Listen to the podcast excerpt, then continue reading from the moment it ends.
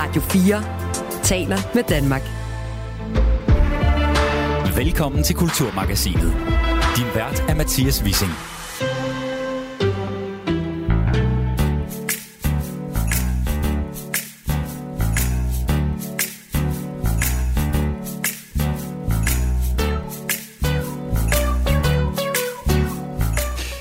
På landets togstationer og deres cykelkældre er det blevet praksis at spille intentionelt irriterende musik for at afskrække bøller fra at skabe utryghed og uro på stationer landet over, og senest har de taget ideen til sig på Herningsstation. Og det rejser straks et par kunstnerisk interessante spørgsmål.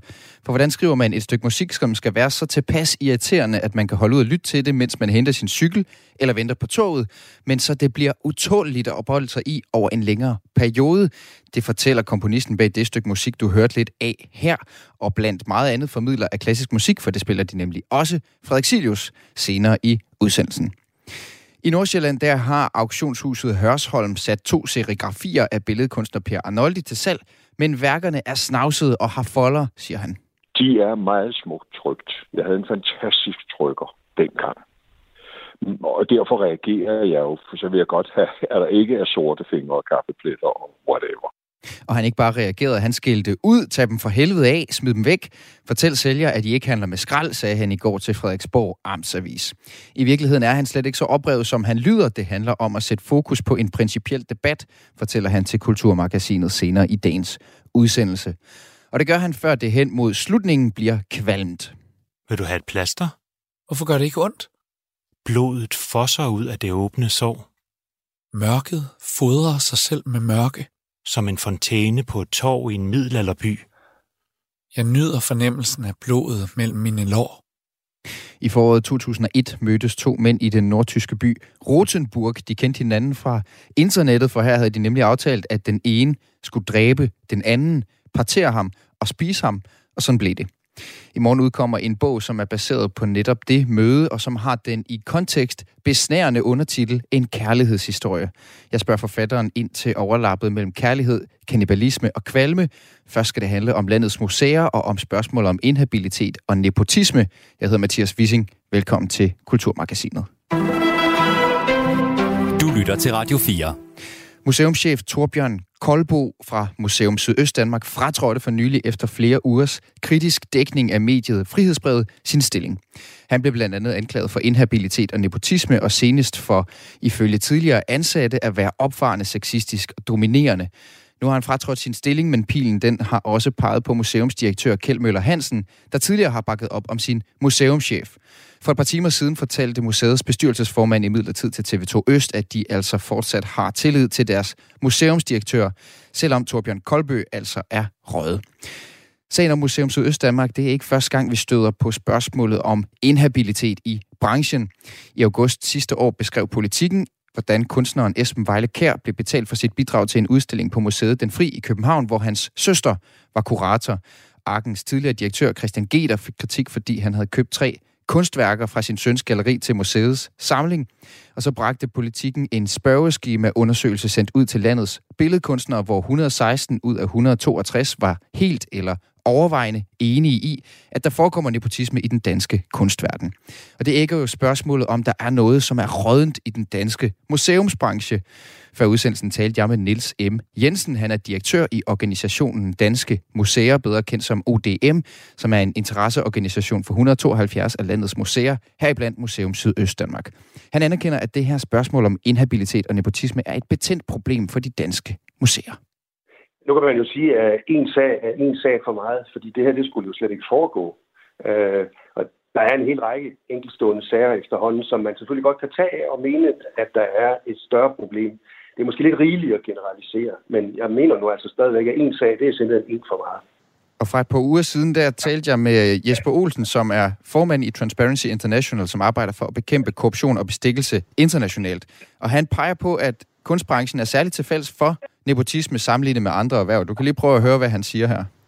Jeg vil ikke sige, at den er særlig slem, men jeg vil sige, at den er særlig udsat. Og den er udsat øh, af to grunde. For det første, øh, fordi at det ofte er nogle meget små miljøer, eller måske sådan lidt indspiste miljøer. Og netop derfor, så har man måske i virkeligheden ikke blikket for, at se øh, de problemstillinger, der kan være. Kunstnere er meget relationelle, og det er godt. Men netop fordi de er, er meget relationelle, så er de også nødsaget til i virkeligheden at have øh, blikket for det her. Og nu sagde du før, at øh, en sag er en sag for meget, men er det rigtigt, øh, hvad Jesper Olsen siger her, at der også i kultur- og dermed museumsbranchen er en, en blind vinkel i forhold til de her nepotistiske problemstillinger? Altså, jeg synes, at manden fra Transparency International har en rigtig god pointe. Den vil jeg som selv har fremhævet, at det er meget små miljøer. Det bliver utroligt vanskeligt nogle gange, fordi at folk øh, i de her meget små miljøer er opvokset i samme uddannelsesinstitutioner, arbejder nogenlunde de samme steder. Og jeg tror, han har en pointe i, at vi kan godt have nogle blinde vinkler, også i museumsverdenen for de her ting. Øh, så det synes jeg faktisk, han har fuldstændig ret i.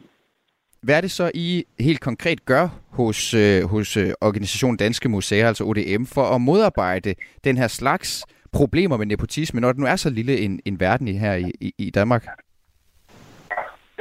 Jamen altså, faktisk har vi været opmærksom på det her et stykke tid, og, øh, og blandt andet har vi jo taget diskussionen med nogle af, af kunstnernes øh, brancheorganisationer også. Og noget af det, vi er opmærksom på, og som Jesper Olsen jo så påpeger, det er det her lille miljø. Vi skal være ekstremt opmærksomme på, at vi ikke på nogen måde kommer til at, være nepotistiske i vores arbejdsfasong. Og så har vi i øvrigt også taget ansvar for at, at fortælle når vi er ude og holde bestyrelsesoplæg, at det er jo bestyrelsens ansvar i den sidste ende, at det her ikke sker. Så vi har faktisk ekstra fokus på den her problemstilling, specielt når vi taler med museernes bestyrelser. Og et af de, øh, hvad kan vi kalde, et af de tiltag, som vi anbefaler bestyrelsen derude at gøre, det er i det mindste at få en form for notat ind om den her problemstilling i øh, museets forretningsorden for eksempel. Altså at man er opmærksom på det her, når man arbejder i bestyrelsesrummet, at her er noget, man skal have sine øjne på. Øh, så derfor anbefaler vi simpelthen, at man også en gang årligt ja, går hele bestyrelsens arbejdsfelt igennem, og der vil det jo så, hvis det netop fremgår af for, for eksempel forretningsordenen, jamen så vil man jo have det op som et tema. Mm.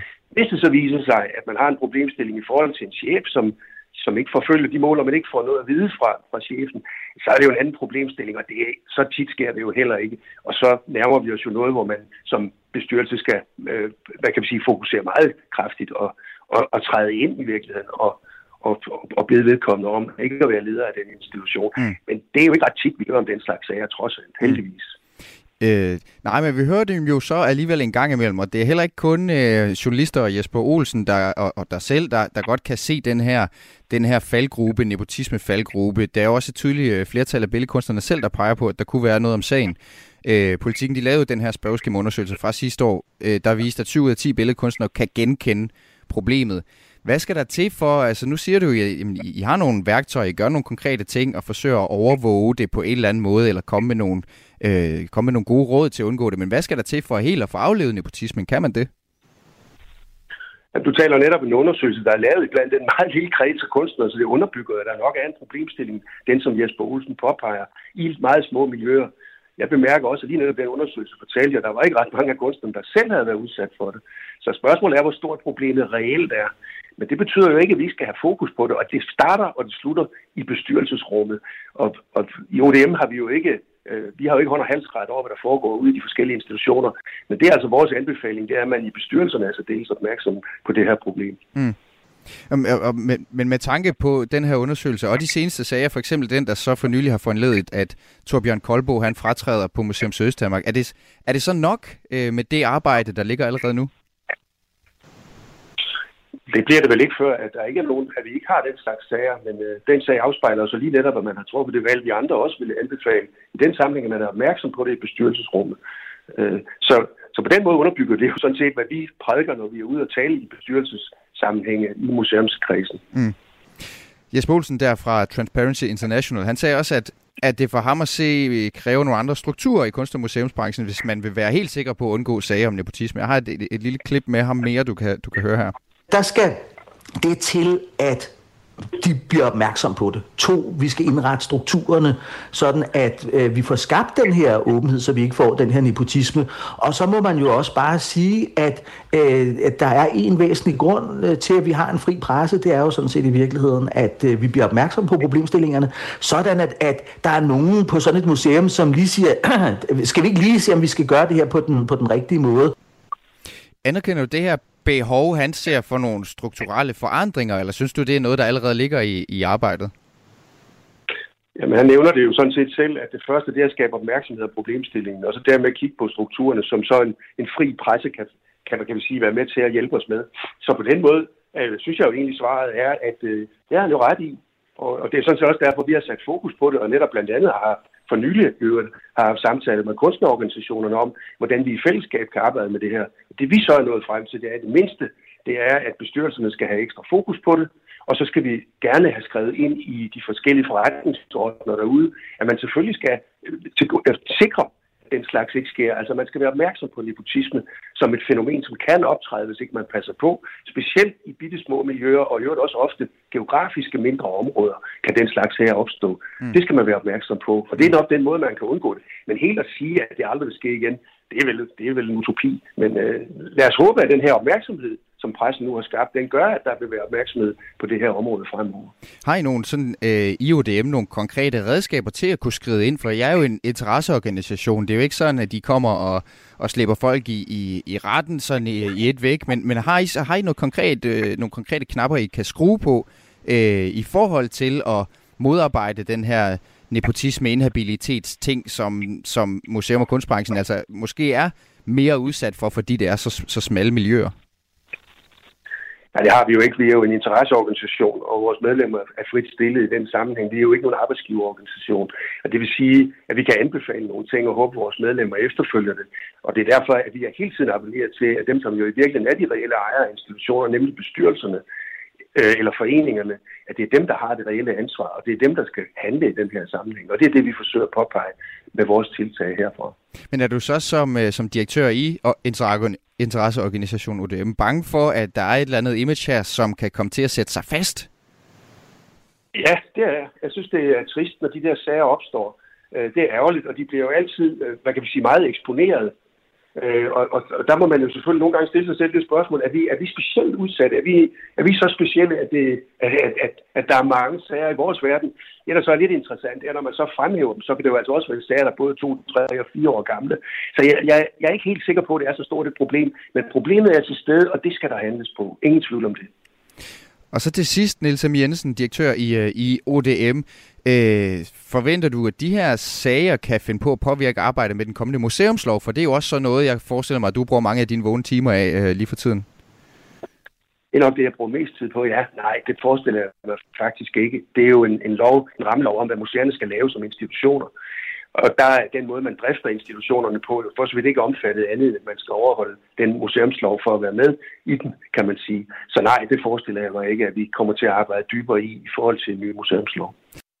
Og det sagde altså Nils M. Jensen, direktør i organisationen Danske Museer, en interesseorganisation for landets museer, heriblandt Museum Sydøst Danmark, som altså for nylig efter en række kritiske historier i nyhedsmediet Frihedsbrevet med anklager om blandt andet inhabilitet, nepotisme og et psykisk hårdt arbejdsmiljø meldte ud, at Torbjørn Kolbo har fratrådt sin stilling som museumschef, og det er den anledning, at sammen med Niels M. Jensen kiggede nærmere på nepotisme i kunstbranchen.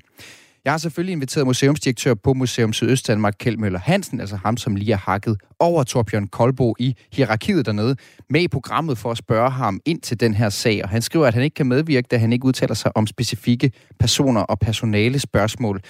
Han skriver også til mig, at museet nu vil udarbejde en habilitets- og nepotismepolitik, ligesom de vil få et konsulentfirma til at undersøge Museum Sydøstdanmark for blinde vinkler, som museet ikke har været opmærksom på. Herunder de, og jeg citerer, krænkelser med udgangspunkt i de anklager, som de tidligere medarbejdere har fremført. Han skriver også, at de vil indføre en whistleblower-ordning inden for nærmeste fremtid. Jeg spurgte ham også, hvor stor en del ansvaret for sagen ligger hos ham som museumsdirektør, og her svarede han blandt andet, sådan her, jeg er chokeret over de mange historier fra tidligere medarbejdere om krænkelser, og stærkt bekymret over, at så mange har haft det så dårligt på museet, uden at jeg har erkendt det. Jeg genkender nogle af problemerne, men omfanget er kommet helt bag på mig. Jeg fortryder, at jeg ikke i tilstrækkelig omfang har været opmærksom på problemet, og vil gerne undskylde dette over for de berørte medarbejdere. Nu kan jeg konstatere, at vi har været et museum, der har haft for meget fart på for at skabe nye museer, og i den proces ikke haft nok øje for medarbejdernes trivsel. For et par timer siden fortalte bestyrelsen på Museum Sydøstdanmark så til TV2 Øst, at de altså stadig har tillid til Kjeld Møller Hansen som museumsdirektør lytter til Radio 4. Tag dem for helvede af, smid dem væk, fortæl sælger, at de ikke handler med skrald. Bølgerne de gik højt, da den ikoniske billedkunstner Per Arnoldi i går udtalte sig til Frederiksborg Amtsavis og kritiserede, at auktionshuset Hørsholm har sat to af hans serigrafier til salg på sin hjemmeside. De to værker, der er tale om, har nemlig såkaldte håndteringsmærker, og det ene serigrafi er med snavs, skråstreg, skjolder samt en fold. Per Noldi mener altså, at værkerne, der er vurderet til 600 kroner med en startpris på sølle 300 kroner, er i så dårlig stand, at de ikke bør sættes til salg. Da min kollega Søren Berggren Toft ringede til Per Arnoldi inden udsendelsen, var han i midlertid faldet lidt til ro.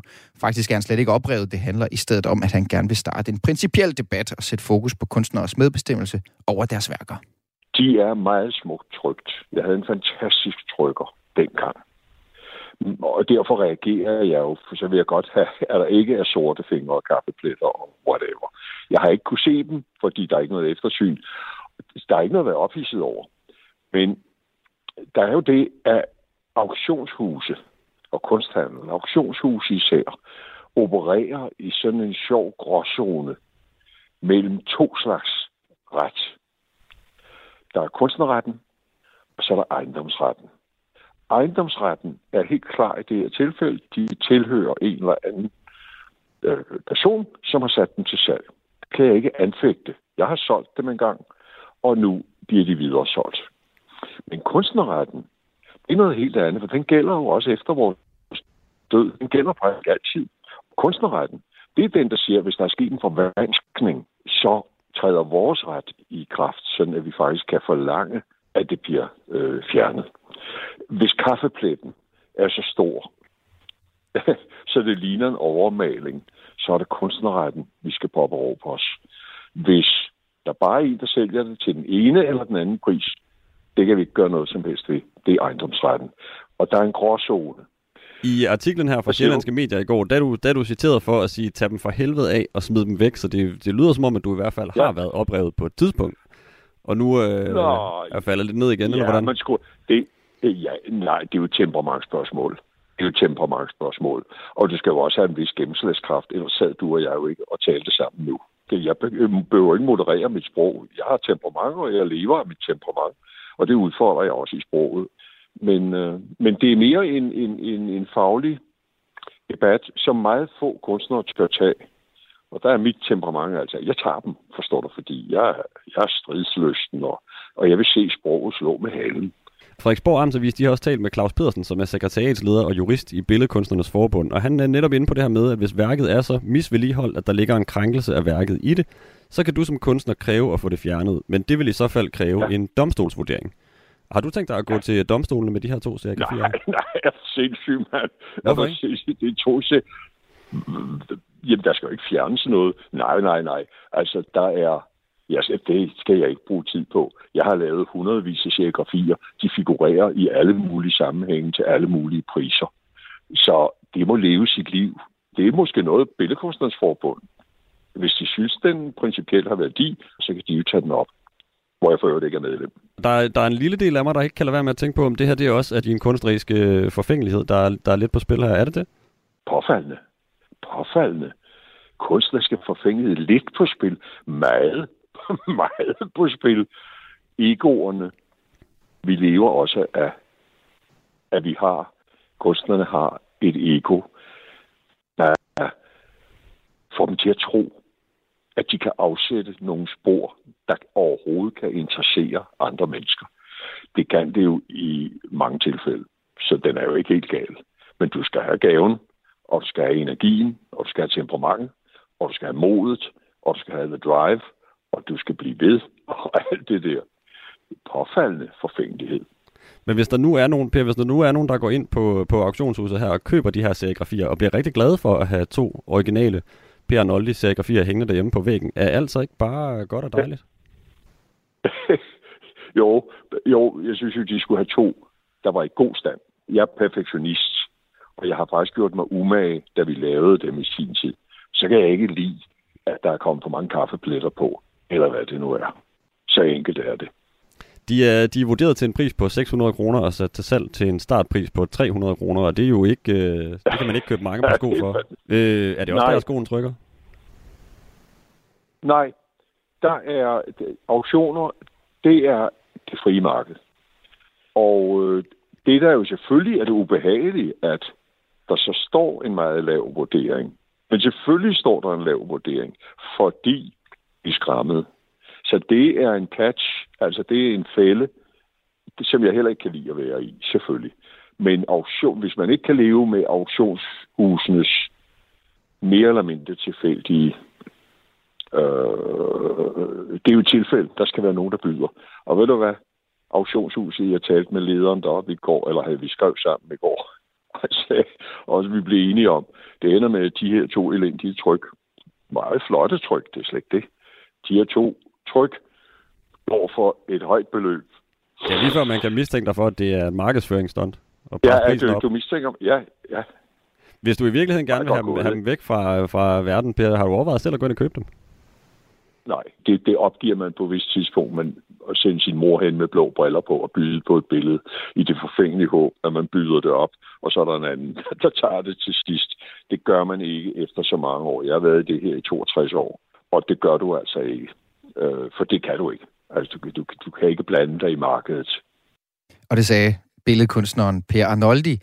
Direktør og vurderingsekspert i auktionshuset Hørsholm, Begitte Di Røbstorff, siger sådan her til Frederiksborg Amtsavis om sagen. Vi synes jo hverken det er skrald eller affald, vi sætter på auktion. Og jeg synes, vi giver en pæn og hederlig beskrivelse af værkerne, så er det jo op til en eventuel køber at vurdere, om vedkommende vil betale for dem i den tilstand, de er i. Jeg synes ikke, at vi generer Per Arnoldi, der er en anerkendt og respekteret kunstner. Du lytter til Kulturmagasinet på Radio 4.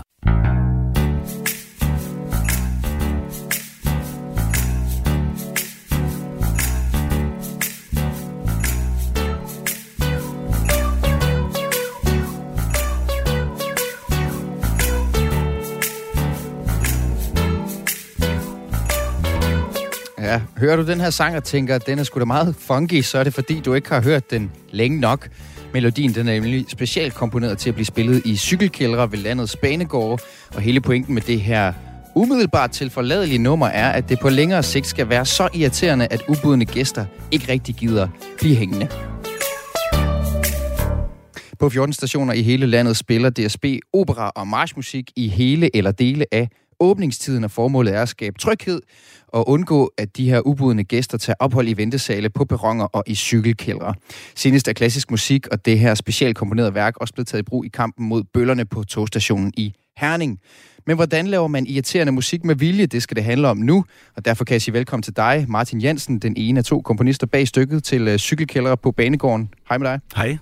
Og jeg også besøger dig, Frederik Silius, uddannet klarinetist, kendt fra den korte radiovis som Kirsten Birgit og holdkaptajn i DR-programmet Den Klassiske Musikquiz. Velkommen til. Tak skal du have.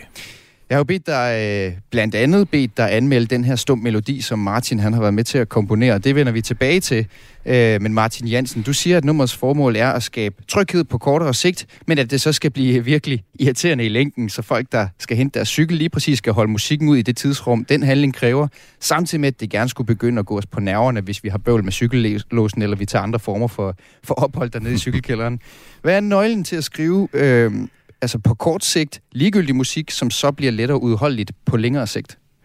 Ja, altså øh, opgaven er jo dybest set at, øh, at skabe tryghed i, øh, i de her cykelkældre på, øh, på alle tider af døgnet. Og, øh, og det vi gjorde, det var, at vi satte os ned, og så fandt vi ud af, øh, hvordan kan det her stykke musik blive irriterende over, over tid. Og det øh, er der flere metoder til. Den ene metode til er det at, at gøre musiknummeret kort. Nu hørte vi det i fuld længde her lige før. Mm. Og øh, en anden er at øh, lave musikken meget øh, simpel. Det vil sige, at den, den går hen i den retning, som øret rigtig gerne vil have det hen i. Mm. Man kender det fra den klassiske æblemand. Den, den leder også i, i, en, i en sin cirkulære retning og, og kommer tilbage til grundtonen til sidst. Og det, det er det, som nummeret gør. Så på den måde er nummeret jo meget, meget uskyldigt. Og så har den det element, at øh, nummeret er i 114 beats i minuttet. Ja. Det vil sige, at der er 100 slag øh, i, på et minut. Og det svarer til øh, det, som langt de fleste mennesker går i i et normalt tempo. Så man bliver luttet ind i den rytme. Og det er langsomt. vel fint nok? Altså, Det er eller rigtig hvad? dejligt. Ja, Og det er øret det, rigtig bliver irriterende? Jamen det gør det så, når næste nummer starter, fordi så starter vi det så for skudt, så man får sådan ligesom et hop, ligesom en pick-up, der hopper på en, på en LP, ikke? Mm. så bliver man lige lullet ind i den her faste rytme på 114. Og det vi ser, når folk de henter deres cykel, det er også, at de falder ind i det her tempo 114, når de, når de kommer gående. de kommer dansende, og, og så der til starter musikken. det næste nummer så ja. forskudt i forhold til det. Og så, så får det sådan et brud. Og det, det lægger man ikke mærke til, når man henter cyklen, men, men det lægger man mærke til, hvis man, hvis man er dernede i, i længere tid. Så ja. får man også hørt det rigtig, rigtig mange gange. Ja, så den bliver først sådan for alvor irriterende, når man har gentaget den flere gange. Prøv lige at høre lidt af, af melodien igen her. Og jeg må indrømme, jeg synes, den er lidt irriterende allerede nu, men nu har jeg også hørt den nogle gange, Martin. og det er altså den her øh, specielt komponerede melodi, øh, som DSB spiller i fire cykelkælder ved togstationer med det formål at holde ubudne gæster væk. Frederik Silius, opera-rejsende kleinetist og Kirsten Birgit og holdkaptajn i den klassiske musikquiz på DR. Du har også hørt det her, øh, det her, den her lille stump musik. Hvad er din dom over stykket? Er det irriterende, og er det irriterende nok? Jamen, jeg, jeg, jeg behøver ikke at høre det flere gange, for at synes, det var vanvittigt irriterende. øh, nej, altså ja, jeg synes, det, øh, det spiller, jeg har stået og tænkt på, om man skulle måske begynde at spille i nogle vaskekælder på Amager også. Der er også, der er også meget, meget farligt. Øh, altså, jeg, jeg synes, at hvis det er komponeret med det øh, formål for øje at være et super irriterende stykke musik, så synes jeg, at, at, at det er øh, bestået til UG. Der er sådan lidt en uhyggelig øh, sådan uh, Dr. Mengele uh, konspiration bag, bag den her musik, som jeg måske sådan rent ideo- musikideologisk har svært ved at sluge. Ikke? Altså, at, uh, at, at man normalt skriver musik sådan... Nu slukker jeg den lige her i baggrunden, jeg kan ikke koncentrere mig. Så men ja, fortsæt. Ja, tak. ja altså, nu, så vanligvis skriver man jo musik for at, for at beskrive den menneskelige tilstand, eller øh, ophøje øh, følelser til det guddommelige, og så har man så gjort det her med sådan en, øh, en øh, nærmest som, som en slags krigsførelse øh, mod, mod, mod, mod den menneskelige sind.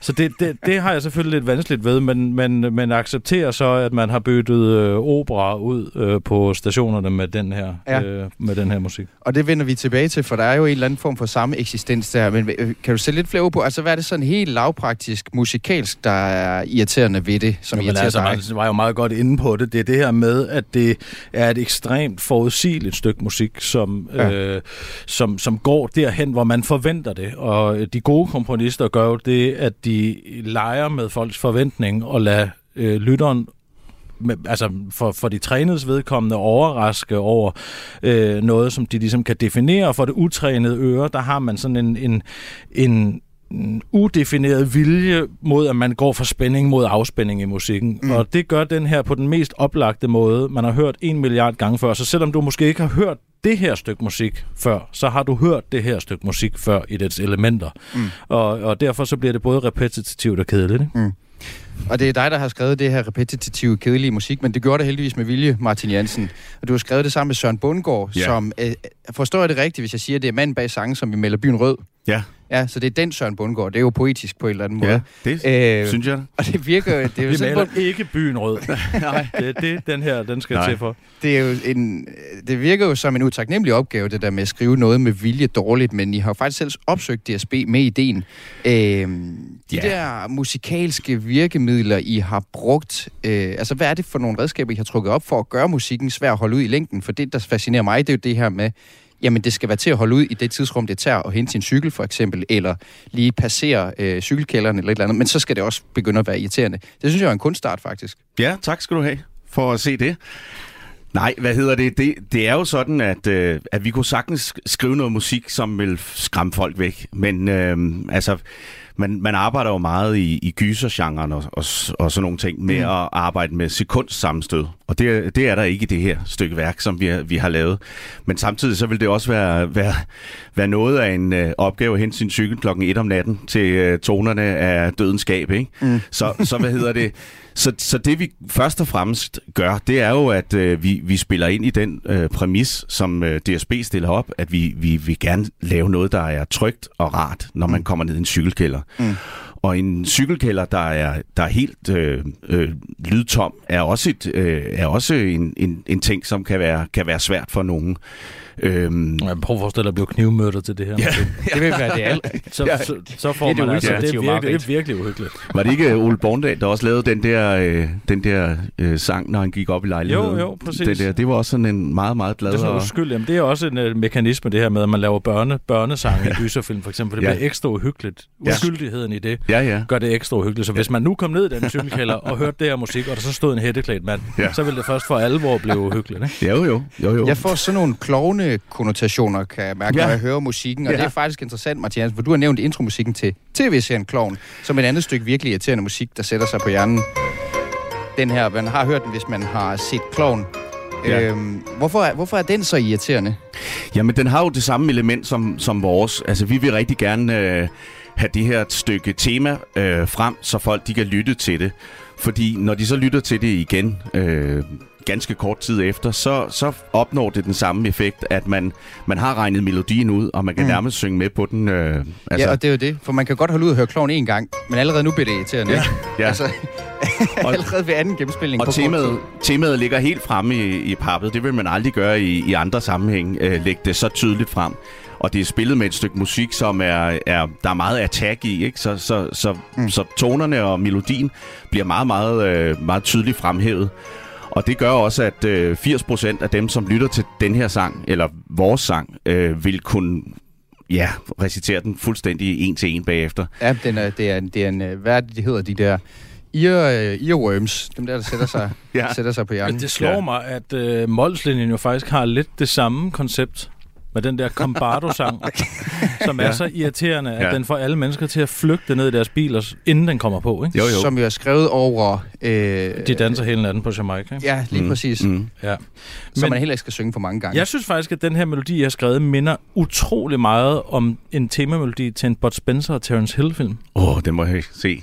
Altså ikke en specifik film, men de to spaghetti western folk, deres musik til deres film lyder præcis ligesom det der. Okay. Altså det er ikke det samme, nej, nej. Men, men det har den samme lyd, effekt. Ikke? Ja, ja. Og det, det gør, det er, at det her specielt komponerede nummer, som øh, du har med til at skrive, Martin Jensen, mm. bliver brugt på fire landets banegårde til mm. at holde ubudne gæster væk fra stationernes cykelkældre. Mm. Og noget, de kunne, øh, som du var inde på, Frederik Sylius, overveje også at tage i brug i landets øh, vaskekælder, hvis ja, det bliver en succes. Amager. Hvad DSB indtil videre siger, at det er, de siger faktisk, at det hjælper det her.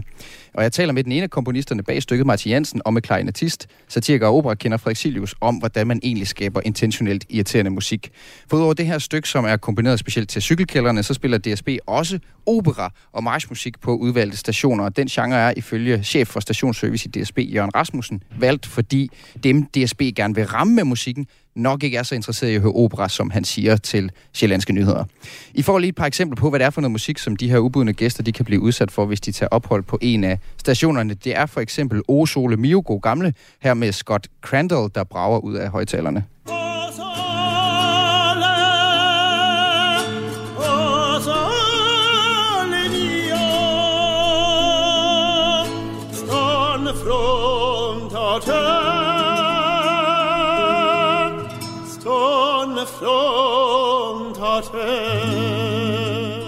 Meget rørende. Der bliver også spillet Ejen A non credere mirati fra Bellinis opera Søvngængersken, her fremført af St. Petersborg Orkestret.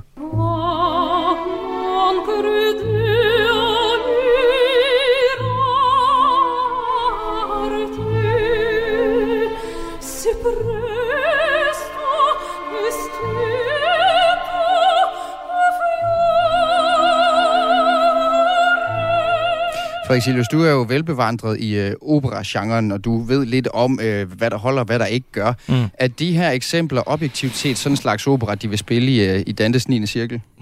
Øh, nej, altså i den indspilning, den første for eksempel, var jo tilnærmelsesvis noget af det mest redselsfulde. Men det handler vel også om rettigheder, kunne jeg forestille mig. Ham der Ted Crandall, han har ikke haft en stor opera-karriere efter sig. Jeg synes nu, den anden spil, indspilning med, med St. Petersborg fra Søvngængersen var udmærket. Ja. Jeg tror, det handler om, at DSB's højtalersystem måske ikke er skabt til at genskabe øh, de nuancer, der er øh, Bellini skabte for 150 år siden. Nej. Og du har, du har så også øh, selv peget på et operastykke, som vil få dig personligt til at skride øjeblikkeligt. Og det er Juvelaren fra, øh, fra Faust af den franske komponist øh, Charles Gounod. Vi hører lige starten her.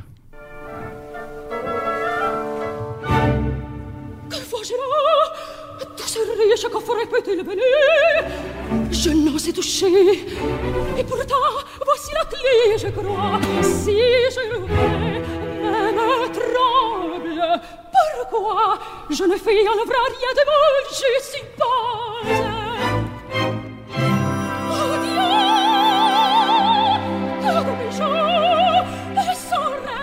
Ja, den bliver selvfølgelig ved, Frederik Silius. Hvad er det ved den her arie, som øh, går der på nerverne? Ja, nu er det sådan, det er jo recitativet lige inden juvellejen øh, begynder her, men, øh, men øh, jeg, jeg synes bare, den er frygtelig irriterende. Det er jo også den, som øh, Bianca Castafiore i Tintin konstant står og synger. øh, og det er blevet sådan en parodi på en kolautur-arie. Øh, Kolautur-arie. Ja, det er sådan en meget virtuos Ja, øh, det der. sopran-arie. Ja, præcis. Ja. Øh, Nattens dronning af Mozart. er et godt eksempel på en koloratorie. Mm. Men, men, øh, men øh, jeg synes bare, den er så frygtelig, øh, frygtelig irriterende dårlig, og den er blevet ligesom højdepunktet i hele Gounod's Faust, som er en meget øh, alt for lang opera, som øh, godt kunne have været øh, lidt bedre. Og det, det er ikke det bedste værk overhovedet i, i, i Faust. Så derfor jeg har en personlig aversion imod det. Og Martin Jensen, selvom du har skrevet den her altså, øh, på sigt uudholdelige melodistump på loop til togstationernes cykelkælder, så er du, du er faktisk ikke tosset med ideen om opera på banegårdene, øh, så vidt jeg kunne forstå på dig. Hvorfor synes du ikke, opera skal bruges der? Nej, altså, hvad hedder det? Vi spiller selvfølgelig med i præmissen, at, øh, at, at det, vi skal skabe, det er også et, et, et trygt stykke musik for dem, der kommer ned. Og der er det her jo meget dramatiske arie, som der lige er blevet spillet. Mm. Og det vil være, øh, det vil være lidt, øh, måske svært at komme ned og, og hente sin cykel mm. der klokken 1 om natten til, til det her stykke musik. Øhm, har, altså vi, vi, vi var optaget af at prøve at, at løse det på en, på en anden måde, og som, øh, som Frederik også var inde på, så, så de her anlæg, som det bliver spillet over på de her stationer, er jo ikke nogen med, øh, med den bedste bas og, øh, mm. og den bedste lyd. Så det som vi øh, det som vi gør, det er at, at vi piller nummeret ned, og så, så er det et stille og roligt stykke nummer, som øh, som man lytter til og som skal som skal skabe tryghed og som skal skal spille med i i, i den der lidt øh, glade øh, præmis, øh, som, som, som det jo er. Og, øh, mm. og vi er jo ikke, øh, altså vi, vores musik skal jo ikke skrues op, eller skal jo ikke øh, på den måde øh, lave det på den måde. Vores musik er skabt til, at øh, via gentagelser, så, så, øh, så kan vi... Øh, så kan vi skabe den, den samme irritation over de her ting. Mm. Og, så, øh, og så på den måde øh, skabe den tryghed, det er for langt de fleste af dem, der kommer ned i cykelkælderne. Mm. Men selv når, øh, nu spiller de også opera på nogle af de her stationer, øh, og de spiller, de, de er gået med til ikke at spille det i myldretiden, for det går nogen på nerverne, men de spiller det derudover sådan i, i, øh, i, på andre tidspunkter af døgnet. Jeg må øhm, ikke lige knytte til, det handler jo også om kontekst meget af det her, ikke? Ja. Fordi det er jo det, det, det er ligesom, altså hvis jeg hører øh, et eller andet, øh, en eller anden øh, Richard Strauss opera i min bil, hvis jeg så skal parallelt parkere, så slukker jeg lige, fordi det tager min opmærksomhed. Ja. Altså det, man, det, der er jo øh, noget musik, som man ikke på den måde kan holde af, hvis man ikke giver det opmærksomhed. Og der er, vil jeg tro, opera er en af dem. Der findes givetvis mange andre genrer, hvor det også er tilfældet. Men det, så bliver det et irritationsmoment. Så det der med at gå i rush hour og skulle noget og tænke på et møde, man skal til, og så høre en rigtig dårlig indspilling på en dårlig højtaler af Osolo Mio, kan jeg godt forstå er enormt irriterende. og der er det... Der skal Men vel man... også med en, der, der bare krænger sjælen ud. Altså det der, det, der, ja, der er jo et eller andet med at spejle sig i noget emotionelt, altså, i nogle stemmer, som den- man ikke altid lige kan overskue. Ja, altså jeg mener, det var New York Times, der for 5-10 år siden, tror jeg, bad altså stjerneviolinisten Joshua Bell om at stille sig ned i New York Subway og spille, ikke? For at se, hvor mange, hvor mange opdager egentlig, at her står en af verdens bedste violinister og spiller Bach, ikke? Mm. Og der var ikke nogen, der stoppede op. Altså det er en mand, som man betaler tusindvis af kroner for at gå ind lige ved siden af i Carnegie Hall og høre spille det samme stykke musik. Mm. Men det er i konteksten, øh, der hjernen forstår ikke, at det er det samme, der sker. De regner ikke med at møde det der. Så derfor så, så, så tror jeg, at det, det, det handler simpelthen om, hvad man forventer de steder, hvor man går rundt. Ikke? Frederik Silius, klarinettist og allround formidler af klassisk musik, og Martin Jensen, komponist. Tak til begge to, fordi I var med i uh, Kulturmagasinet på Radio 4. Det var så let. Selv tak. Lytter til Kulturmagasinet på Radio 4.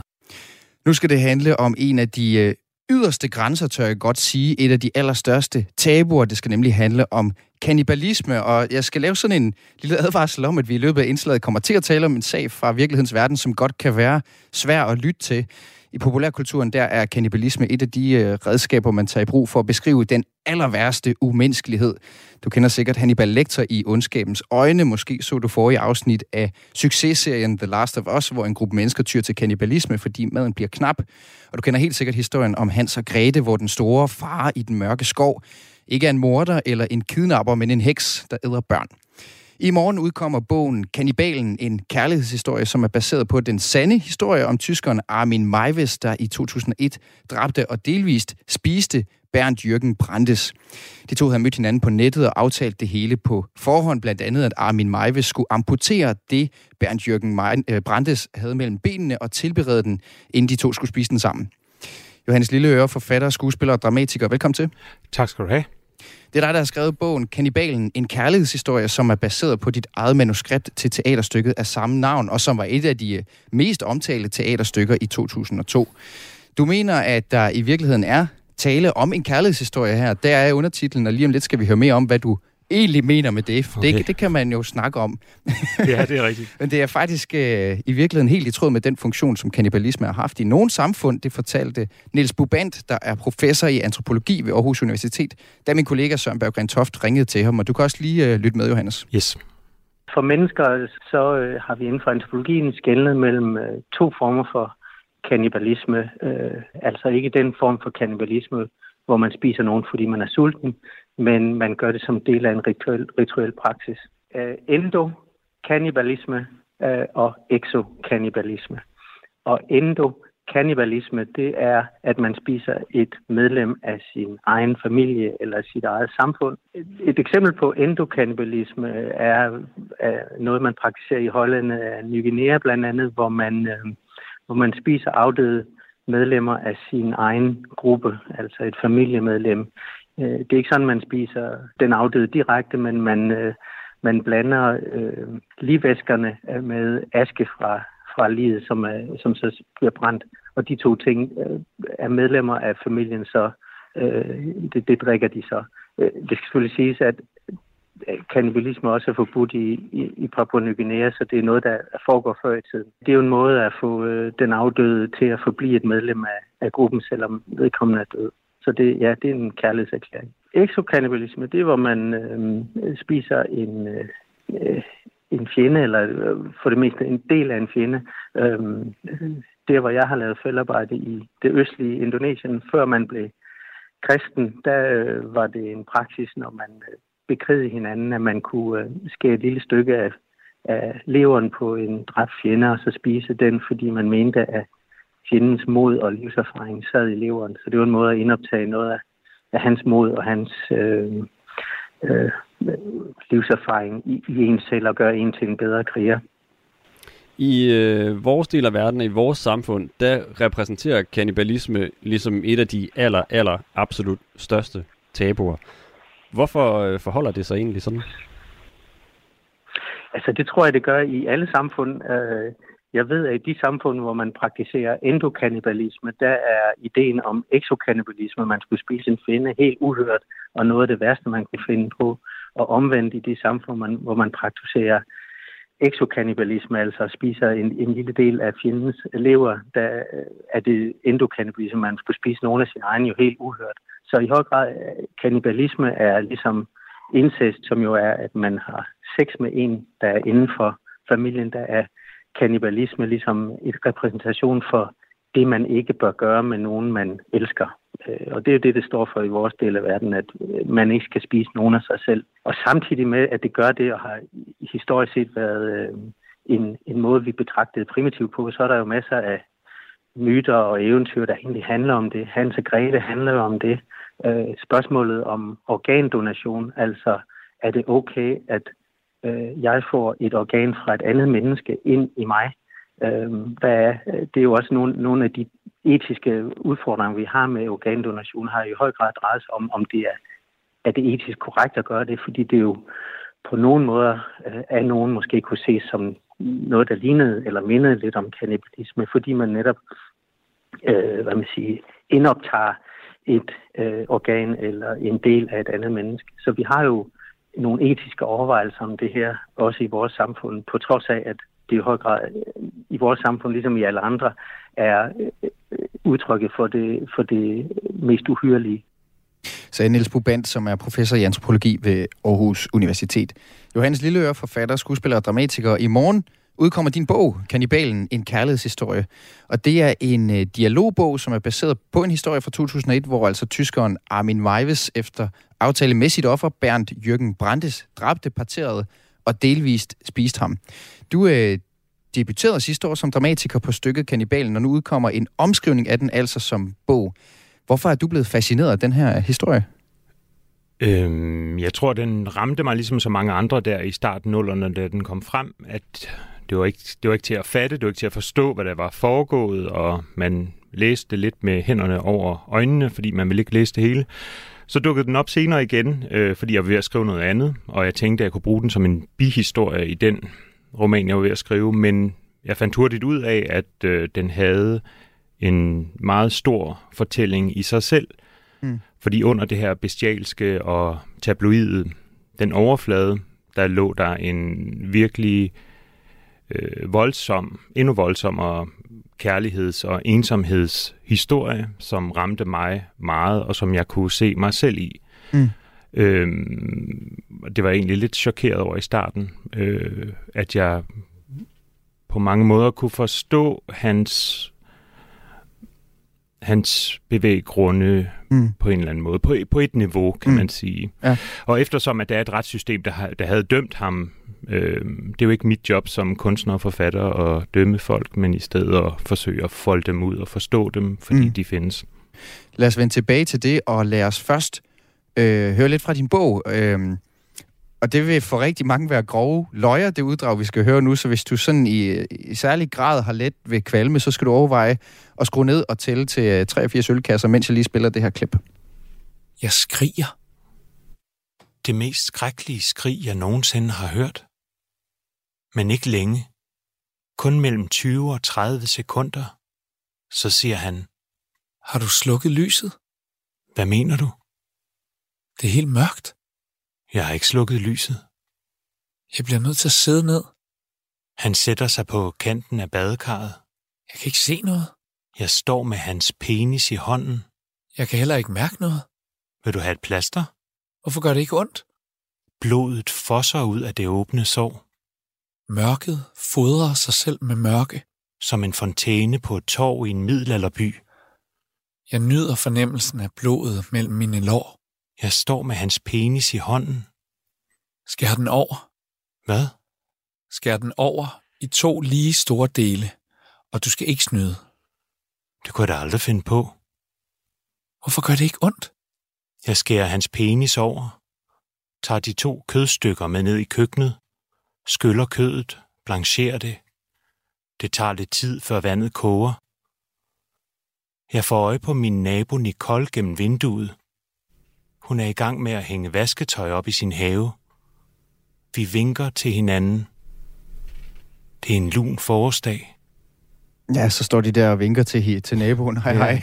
Det er jo fra, fra Lydbogs udgaven af Kannibalen, en uh, kærlighedshistorie, som du har skrevet, Johannes Lilleør, og du var også den ene af stemmerne her. Den anden indtaler er skuespiller Mikkel Arndt. Uh, det er jo på mange måder en grotesk og virkelig ubehagelig historie, det her, men, men som du siger, så er der også en dobbelthed i den, og du mener også, at der er noget smukt at komme efter. Og hvis man skærer historien ind til benet, som man siger, ja. hvad handler den så i dine øjne om? I mine øjne er det den ultimative kærlighedshistorie. En historie om at have, gå rundt med en stor ensomhed og længes efter noget, man tror aldrig, man aldrig kan få forløst, og så møder man en, der kan forløse det, og så bliver man et kød til slut. Mm. Det er jo det mange kan genkende, når man er forelsket og elsker nogen, og elsker med nogen, at man har lyst til at smelte sammen, og man har lyst til at æde hinanden. Men øh, for de fleste mennesker stopper man ved huden. Mm. ja, og her er det ikke, øh, her er det ikke kun billedligt talt, øh, kan man sige. Altså, hvad er det for en, hvad er det for en, en, en fysisk trang, de har til altså, el, altså, at, at decideret at indtage hinanden? Ja, det er jo meget forskelligt, kan man sige, fra de to mænd. Øh, Armin Meiwes har Øh, og det er faktisk også, en, vil jeg sige, er en stor pointe i, hvorfor øh, romanen er så detaljeret, og så, altså fordi den er virkelig mm. detaljeret. Det er den, fordi at det er en del af hans lyst. Det er alle detaljerne i at slagte og partere og dele et menneske, putte det i fryseren og tilberede noget af det og spise det. Han var, Armin Meiwes var ikke interesseret i smerte, han var ikke interesseret i at volde et, en anden person nogen form for smerte. Han var faktisk heller ikke interesseret så meget i at slå ihjel, men han var meget interesseret i at slagte og, og dele et menneske. Bernd Jürgen, som så blev slået ihjel, øh, var, havde en endnu mere mærkelig form for lyst. Han havde lyst til smerte, han havde lyst til at opleve voldsom smerte, og han havde lyst til at dø i et voldsomt smertehav. Det døde han. Det skete desværre ikke, fordi hans krop begyndte at øh, bedøve sig selv, efter han fik skåret sin penis af. Øh, alt det her ved vi, fordi alt blev optaget på video, øh, og i retten så de så det hele. Mm. Så man ved, hvad der er foregået, og man ved, der var samtykke. Mm. Og da Kannibalen den sidste år blev opsat som teater på din, øh, på din tekst, så var der jo øh, gæster, der besvimede, og gæster, der kastede op, øh, navnlig under, under, under den scene, som vi også lige har, har hørt læst højt her ja. i dramatisk form. Faktisk kun der. Det er meget Hvordan kan det være? mærkeligt. Øhm, ja, det er jo... Altså, det foregik i mørke, så det er jo noget, der foregår inde i folks hoveder. Og det var mest faktisk, eller næsten udelukkende mænd, der besvimede og fik epilepsi og kastede op. Det var, øh, jeg tror, det der med at fornemmelsen af at miste sin penis. Det okay. tror jeg ikke, men øh, det var der mange, der ikke rigtig kunne finde ud af at sidde i.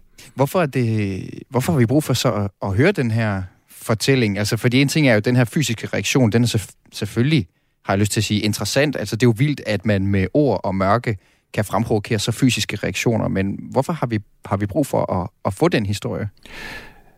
Ja, jeg tror netop også, det, det, jeg tror ikke kun, det var fordi, han fik skåret sin penis af, at folk besvimede. Jeg tror netop, det var fordi, at man op til det ligesom forstår de her mænd, og følger de her mænd, og øh, føler med dem, og øh, de er også morsomme. Øh, mm. Og man kan på en eller anden måde, man når til et punkt, hvor man forstår dem, og så begynder de at gøre noget, som man ikke forstår. Så det, det, det er sådan en meget modsatrettet oplevelse.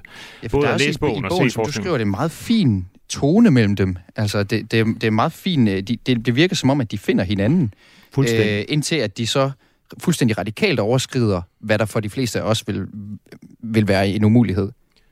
Ja, og det er jo præcis det, der er pointen med bogen, det er, at øh, altså fordi hvis det, hvis, jeg, jeg er dybest set ikke, jeg er ikke interesseret i alt det der voldelige, Øhm, og hvis jeg bare havde genfortalt det, uden at jeg selv havde, øh, uden at jeg havde mig selv med i det, så ville der ikke have været, så ville der for mig ikke have været nogen pointe i at gøre det, så ville jeg bare have gengivet vold.